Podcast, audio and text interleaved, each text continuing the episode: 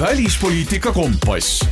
saate toob teieni Välisministeerium tere, hea Delfi taskukuulaja, Välispoliitika Kompass alustab taas kord ning täna keskendume küberteemadele, mis nõuavad aina enam tähelepanu ja seda enam, et see on riigile üks väga oluline suund.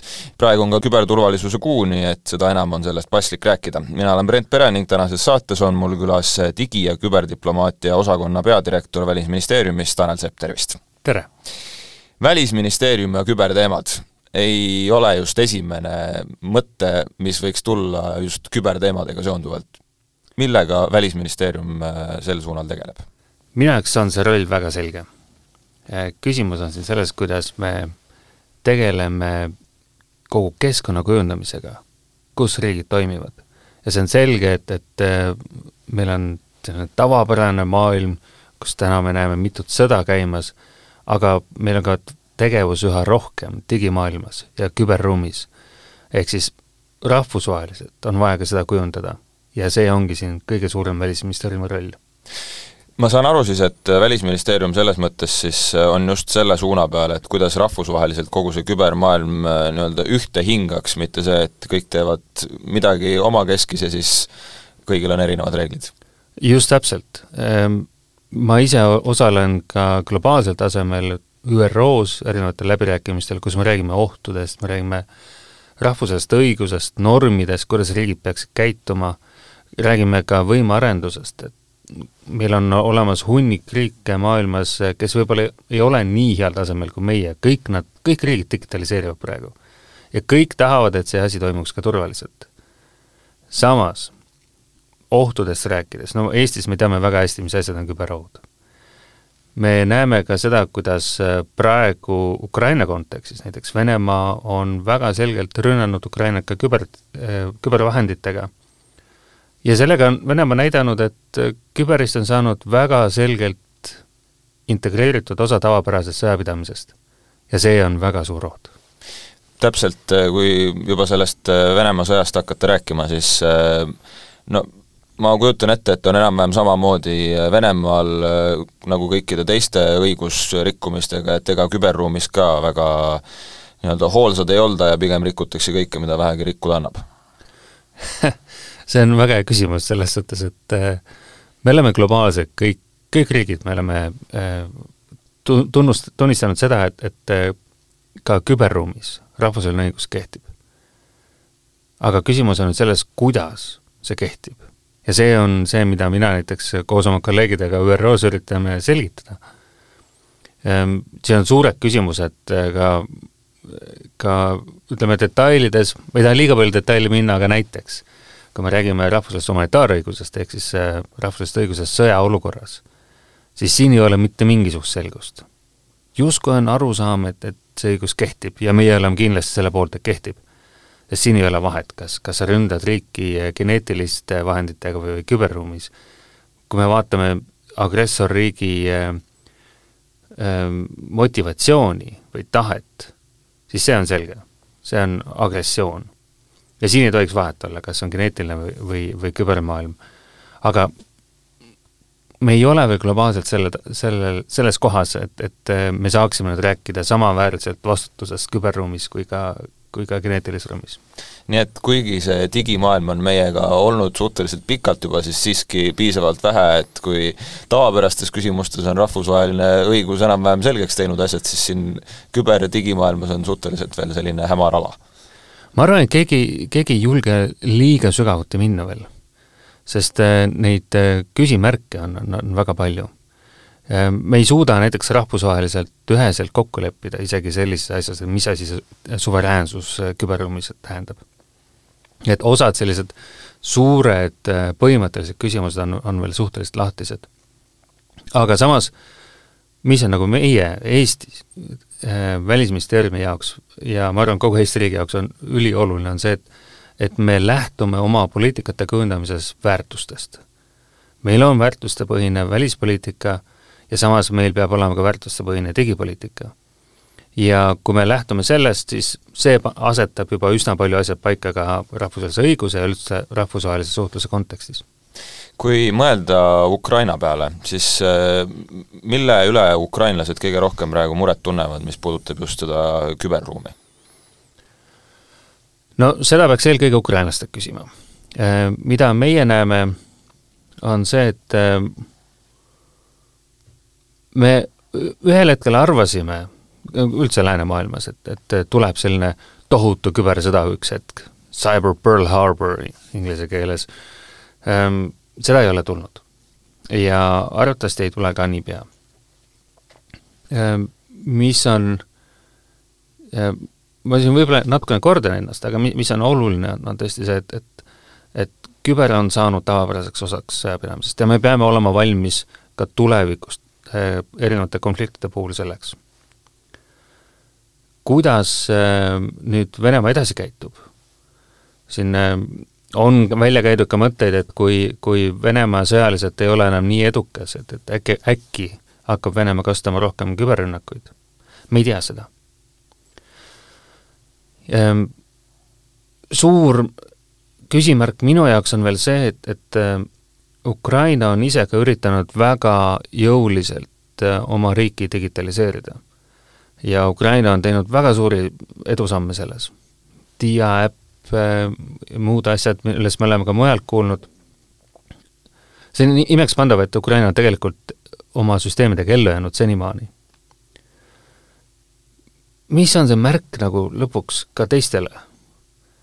et äh, ühelt poolt Ukraina vastupidamine on, on inspireeriv, absoluutselt, ja, ja siin äh, see on väga suur roll erinevatel osapooltel, nii ukrainlastel endil äh,, rahvusvahelistel suurkorporatsioonidel kui ka riikidel, kes on aidanud, aga, aga siin on vä-, väga palju erinevaid selliseid õppetunde, mida me saame ikka ise õppida, et, et kuidas seda vastupidavust ja, või kerksust siin saavutada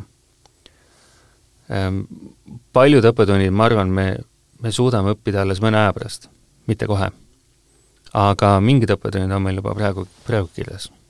just meie saame õppida praegu sellest, et kuidas on äh, riik sõjas ja tuleb toime oma küberruumi arendamisega, aga samas on, räägitakse ju Eestist kui digiriigist ja kõik on, äh, siin on suurepärane ja lähme ja jagame õpetusi. kas see päriselt ka on nii, et äh, riigid tulevadki ja küsivad, et kuidas teie hakkama saate ja mis on teie lahendused ja nii edasi? meil on delegatsioone väga palju ja, ja väga palju on delegatsioone ka erinevatel teistel ministeeriumidel ja ka Riigi Infosüsteemi, Süsteemi Ametil äh, meil on siin NATO Küberkaitsekoostöö Keskus äh, ja muud asutused, äh, digist ja küberist on saanud selgelt meie, meie oluline osa kogu riigi kuvandist. ja me oleme paljud asjad õigesti teinud läbi aastate ja tõesti, meie digitaliseerim-, digitaliseerituse tase on äh, kohati pretsedenditu senimaani maailmas. ja loomulikult äh, tunnevad väga paljud Äh, huvi meie kogemuste vastu, sest kõiges selles nähaksegi sellist positiivset teed tulevikku.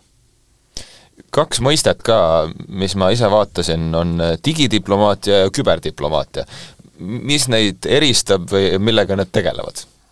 mina olen nende jaoks mõtestanud lahti niimoodi, et äh, digidiplomaatia räägib sellest, kuidas me arendame oma digiühiskondasid jälle toon siia jutu sisse uuesti väärtused ja põhimõtted, et et mille alusel me seda teeme. kuidas äh, me ehitame üles oma digiühiskondade arhitektuuri. Ähm, ja ma ei mõtle siin sellist tehnilist äh, tähendust siin, vaid, vaid üleüldse. Äh, kuidas me ehitame üles näiteks digiidentiteedi, nii et see vastaks demokraatlikele väärtustele, oleks, oleks kaasav, tagaks kõikidele samad võimalused. kuidas me arendame edasi äh, riikide ülest andmevahetust näiteks. kuidas me tagame, et, et äh, erinevad süsteemid eri riikides võib-olla ühel hetkel oleksid koostöövõimelised. Inimõiguste keskne lähenemine, inimeste põhiõiguste lähenemine on siin väga õige ja, ja vajalik. nüüd küberdiplomaatia on selle keskkonna ehitamine sinna ümber et see asi võiks äh, toimida turvaliselt ja ettearvatult. lihtsalt viskan mingisuguse utoopilise mõtte välja, et kas kunagi võib tõesti olla nii, et äh, ühel platvormil või mingisugusel ühel alusel on äh, suurema osa riikide siis digisüsteemid. nii et ongi kõik ühendatud ja kuskilt siiski on need lülid omavahel seotud? ma nii utoopiliseks ei läheks. Meil on olemas ju näited meie oma, oma regioonis, kus kus Eesti kodanik saab Eesti ID-kaardiga Soomest ravimeid osta või, või või see on ka teisi selliseid väiksemaid näiteid. ma arvan, et äh, mis meie jaoks võib-olla on kõige olulisem, on pigem see, et äh, me saame näidata, kuidas see asi võiks toimida. Me ei saa kunagi garanteerida, et see muutub äh, globaalseks või, või isegi ähm, laiemas regioonis kasutatavaks, aga aga miks mitte ja miks mitte Euroopa Liidu raames näiteks, ta, leida sellised viisid, et see oleks, oleks paremini toimiv. kui meil oli eesistumine kaks tuhat seitseteist, siis, siis just andmete vaba liikumine oli näiteks üks teema, kus me tõesti üritasime midagi ära teha. aga siin on veel päris palju selliseid äh, takistusi, mis ei luba veel meil nii kaugele minna aga see ongi täpselt see diplomaatia, et äh, kuidas siis näiteks Eesti ID-kaart võiks olla ka kuskil Prantsusmaal ja siis sellega saaks sealt ka ravimeid osta ehm, jah ja ei, ma ütleksin selle peale, et, et äh, ühelt poolt ma ei taha kindlasti äh, Majandus- ja Kommunikatsiooniministeeriumi varvastele astuda siin, ehm, pigem, pigem me Välisministeeriumis me tegeleme just nende tingimuste loomisega et ühel hetkel võiks, võiksid sellised arengud toimida? kaks äh, suhteliselt äh, suurt ja võimekat asutust on ka toodud Eestisse, üks on siis NATO, NATO Küberkaitsekoostöökeskus ja teine on Euroopa Liidu IT-amet, ehk siis EU äh, LISA. No kas selle järgi ka nüüd võiks öelda, et Eesti siiski on see nii kõva digiriik, et mõlema institutsiooni põhimõtteliselt kõige kõrgemad IT-ametid on just siia toodud? no paneme siia juurde ka selle, et äh, jah, tänu sellele, et Skype on, on justkui Eesti toode, et, et ka Microsoftil on päris suur kontor siin ja siin ka paljud teised ettevõtted äh,, Wise või muud idufirmad ka, siis äh, see keskkond on see, mis kutsub taolisi, taolisi ettevõtteid siia looma ja ka organisatsioone siia tooma. aga ma ütleks, et äh, see, me oleme veel lapsekingades me peaksime palju enamat tegema, äh, sest äh, mida rohkem me suudame siia meelitada ka selles rahvusvahelisi organisatsioone, seda julgemalt saame me ka, ka iseennast tunda. See tähendab, tähendab ka seda, et, et see keskkond on piisavalt turvaline teiste jaoks. et äh, nad on, on valmis siia investeerima ja siia tulema mis need äh, järgmised arengusammud võiksid olla, kuhu, äh, kuhu suunas me nüüd liigume, et tõesti olla veel paremad ja veel suutelisemad siis teistele tarkusi jagama ja ise paremad olla?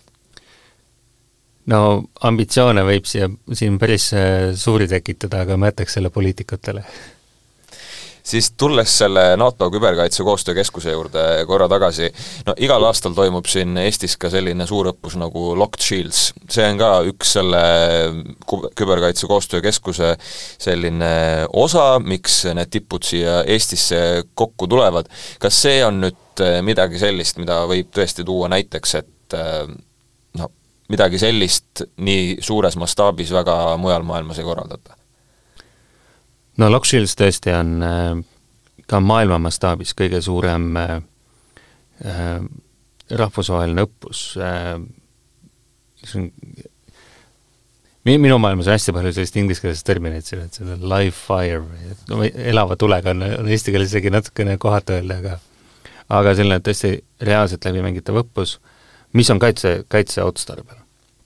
ja, ja selle õppuse vastu on tõesti huvi olnud ka globaalne aga kuivõrd keskusel on oma, omad selged piirid, liikmesus ja, ja, ja partnerid, siis siis mõnes mõttes on isegi hea hoida seda natukene eksklusiivsem, eksklusiivsemana, äh, see on justkui selline kvaliteedimärk sellele. aga selle õppuse kõrval on ju meil ka Psychoni konverents, mis ma arvan, on, on reaalselt ka kogu regiooni üks parimaid äh, küberjulgeolekukonverentse, mis kombineerib erinevad tasandid veel, et sul on tõesti tehniline, poliitiline, õigustasand ja just see, see kombinatsioon nendest teemadest on, on, on, siin väga põnev. ja keskusel on äh, ka on väga oluline projekt ka Tallinna manuaal. ehk siis äh, just äh, rahvusvahelise õiguse tasandil tehtav töö. Tallinna manuaal võtab kokku erinevad stsenaariumid, erinevad olukorrad ja aitab tõlgendada just seda rahvusvahelist õigust. seesama, millest me alguses just rääkisime, et et me oleme täiesti käte-jalgadega sees nendes teemades. kui nüüd mõelda selle mastaabi peale just Välisministeeriumis sees, kui palju teid on äh, neid inimesi, kes päriselt selle küberdiplomaatia, digidiplomaatiaga tegelevad ja kas äh, noh, ma ei saa tegelikult küsida seda, et kas oleks vaja rohkem inimesi, sest et tõenäoliselt nii mastaapse teema puhul oleks alati neid inimesi rohkem vaja. no kui me võtame, et küber ja, ja digi on justkui Eesti nišš, siis äh, sellest lähtuvalt ma ütleks, et iga Eesti diplomaat peab olema natukene ka digi- ja küberdiplomaat ja, ja ja seda nad ka tegelikult on.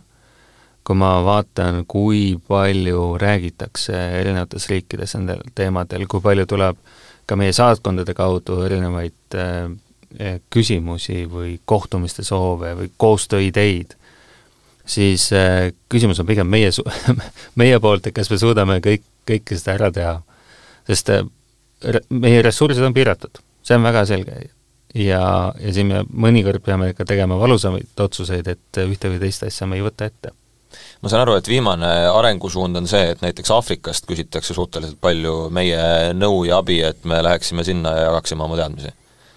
jaa, ja siin on, tulevad appi ka mitmed rahvusvahelised formaadid selge on see, et, et äh, meil ka rahalist ressurssi ei ole nii palju, et äh, pidevalt sinna reisida või seal kohapeal olla, aga on ka erinevad äh, Euroopa Liidu projektid, mille kaudu me saame, saame seal abiks olla ja oma teadmisi jagada. me kunagi ei lähe ühtegi riiki oma mingite lahendustega, pigem meie filosoofia on see, et me jagame oma, oma kogemusi ja seda teadmust, mille, mida me oleme aastatega kogunud. aga samas on ka teisi võimalusi, kuidas koostööd teha, et kui ma ise olin ka Etioopias paar aastat tagasi, siis, siis õnnestus korraldada kaks korda Euroopa-Aafrika häkaton. Et tuua erinevatest, erinevatelt kontinentidelt noorte kogukonnad kokku, panna nad koos lahendama ühiselt äh, väljakutseid kuivõrd saab avada natukene selliseid lähiaja plaane, natukene juba puudutasime ka seda, aga mis nüüd sellised äh, tõesti lähiaja prioriteedid on, mis on juba töös ja millega saab natukene saladuseloori ka avada? väga suuri saladusi meil väga siin ei olegi, aga aga mis on äh, üks suuremaid ähm, väljakutseid praegu, on, on äh, see, kuidas äh,, kuidas me jätkame üldse rahvusvahelisel tasandil äh, Venemaa, Venemaaga äh,. olen mitmes kohas ka juba rääkinud sellest, kuidas äh, väga kummaline tegelikult tänasel päeval olla koos, koos Venemaaga ÜRO kontekstis mingit küsimust läbi rääkimas. Ehm, siin meie vaated lihtsalt äh, erinevad äh, nii kardinaalselt, et äh, ehm, et see on keeruline.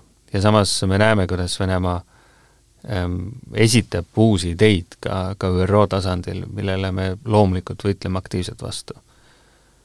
Aga kuidas nüüd tegeleda sellega, et äh, mis globaalsel tasandil ka on piisavalt aru saama, et need äh, ideed, mida Vene, Venemaa näiteks välja pakub, et need lähevad meie väärtustega vastuollu. kuidas seda väärtuste arusaama laiendada suuremale hulgale riikidele, et lõpuks äh, ka reaalselt tekiks suurem vastuseis endale nii et praegu põhimõtteliselt nad ikkagi üritavad suruda kõikvõimalikku sellist läbi, et äh, hõlpsalt äh, näiteks Ukrainat või teisi riike rünnata ja ise vastutusest kõrvale hiilida? No aga seda on Venemaa kogu aeg näidanud.